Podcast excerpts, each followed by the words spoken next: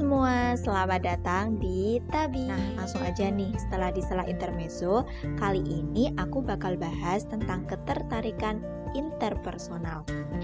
Teman-teman pernah dengar kalimat manusia itu makhluk sosial? Aku yakin sebagian besar dari kita nggak asing dengan kalimat tersebut, terutama yang dulu di SMA ambil jurusan IPS. Terus kalau nggak asing, apa hubungannya manusia makhluk sosial sama ketertarikan interpersonal? Emang ada? Jelas ada dong. Tapi sebelum bahas tentang hubungan antara keduanya, ketertarikan interpersonal tuh apa sih? Ketertarikan interpersonal merupakan suatu hal yang merujuk pada evaluasi kita kepada orang lain. Nah, evaluasi ini nantinya akan membentuk sikap positif ataupun sikap negatif kita kepada orang lain.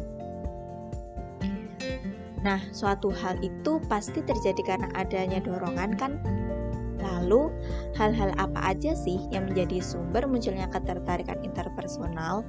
Sumber mun sumber munculnya ketertarikan interpersonal dibagi jadi dua, yaitu sumber dari dalam atau internal dan juga sumber dari luar atau eksternal. Nah, sumber internal ini terdiri dari tiga, yaitu kebutuhan dasar, motif, dan juga emosi. Di sinilah Di sinilah letak keterkaitan manusia makhluk sosial dengan ketertarikan interpersonal. Soalnya gini, manusia kan makhluk sosial, jadi dia pasti butuh berinteraksi dan berhubungan dengan orang lain kan? Dari kebutuhan berhubungan inilah kita melakukan ketertarikan interpersonal kepada orang lain. Terus, pernah gak sih teman-teman tuh bertanya-tanya, kenapa ya manusia itu cenderung berkumpul dan tertarik dengan orang yang kondisinya sama? Misal nih, sama-sama lagi takut, sama-sama lagi insecure. Ya, manusia cenderung suka berkumpul dan tertarik dengan orang yang berkondisi sama karena membutuhkan objek sosial comparison atau perbandingan sosial. Ini bukan masalah jahat atau nggak jahat ya, karena pada faktanya kita itu pengen tahu persepsi orang yang berlatar belakang sama dengan kita. Selanjutnya, setelah membahas tentang sumber internal, kita akan membahas tentang sumber eksternal. Sumber eksternal dari ketertarikan interpersonal itu ada dua, yaitu kedekatan dan penampilan. Cara kerja kedekatan ini kayak peribahasa Jawa, tresno, jalaran soko kulino, atau ketertarikan itu datang karena adanya kebiasaan. Nah, ketika kita punya kedekatan, terbiasa bertemu gitu, maka kita akan terkena efek paparan berulang atau the effect of proximity. Efek ini bekerja tanpa adanya unsur kesengajaan.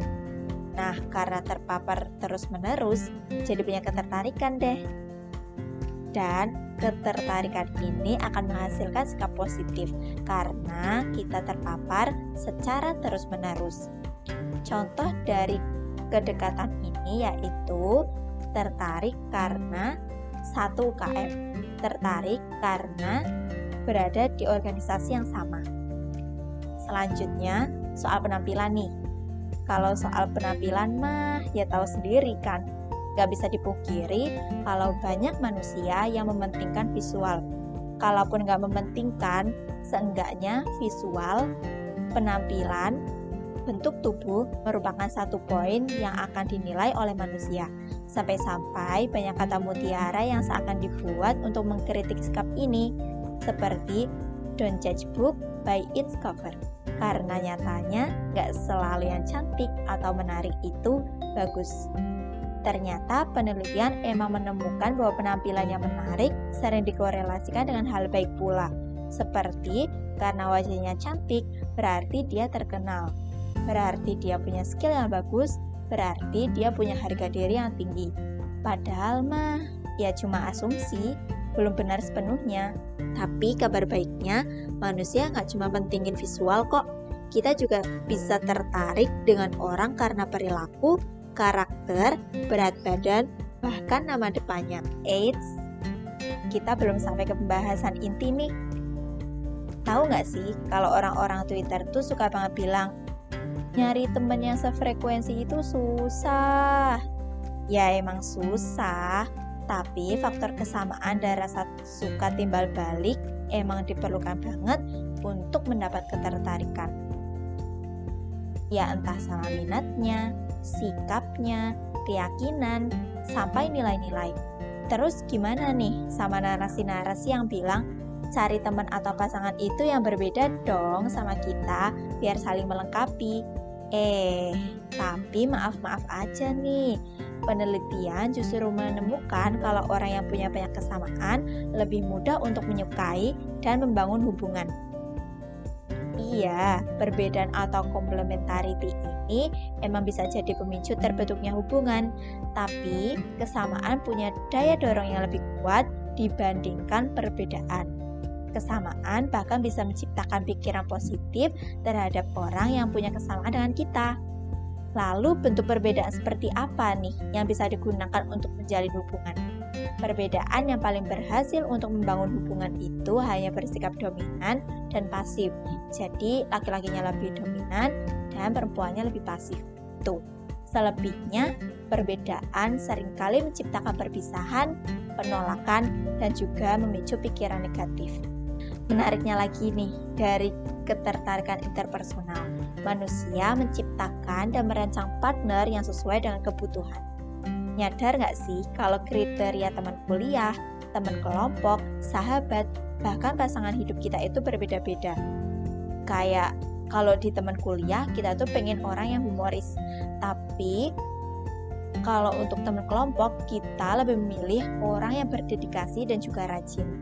Berarti dari sini kita dapat menyimpulkan ya, kalau ketertarikan interpersonal itu benar-benar dekat dan ada dalam kehidupan kita. Mungkin kitanya aja yang selama ini tuh nggak sadar. Contoh ketertarikan interpersonal dalam kehidupanku sendiri sih terlihat dari hubungan pernikahan kakakku dengan suaminya.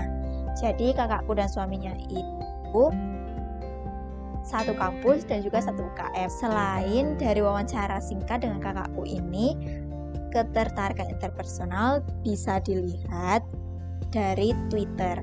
Di Twitter itu benar-benar tempat orang yang punya kesamaan itu berkumpulkan. Contohnya, ada stand Twitter atau tempat orang yang ngefans sama seseorang itu berkumpul. Terus di Twitter tuh juga banyak base kayak food fest untuk orang yang suka makanan, terus base untuk yang suka kucing, best orang yang suka baca buku, bahkan ada juga best buat mahasiswa.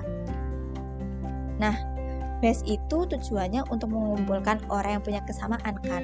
Berarti dari sini bisa dilihat kalau kesamaan itu memang cenderung mendekatkan orang.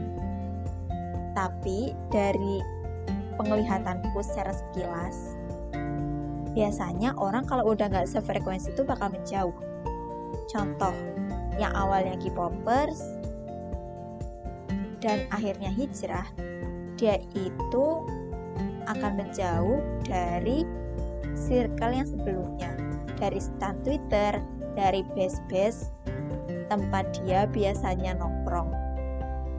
Kalian setuju nggak sama kesimpulanku ini?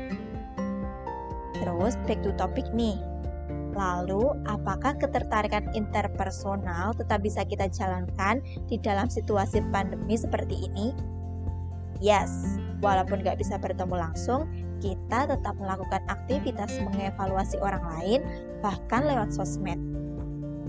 Berdasarkan penelitian terhadap remaja Sidoarjo pada 2013 silam, media sosial menyumbang sebesar 68,7% dalam pengembangan hubungan interpersonal. Nah, yang harus di-highlight dari ketertarikan interpersonal lewat sosial media ini adalah mengupayakan diri untuk tidak mudah mengevaluasi orang lain hanya lewat hal yang dia sebar di sosmed. Apalagi evaluasi kita ini cenderung mendorong ke sikap negatif yang langsung diungkapkan dengan cara berkomentar buruk. Ingat, semua orang saat ini sedang berjuang. Lagi pula, kalau terpapar terus, kita juga bisa suka loh. So, stay healthy and control our negative attitude as best as we can. Thanks for listening and tabi.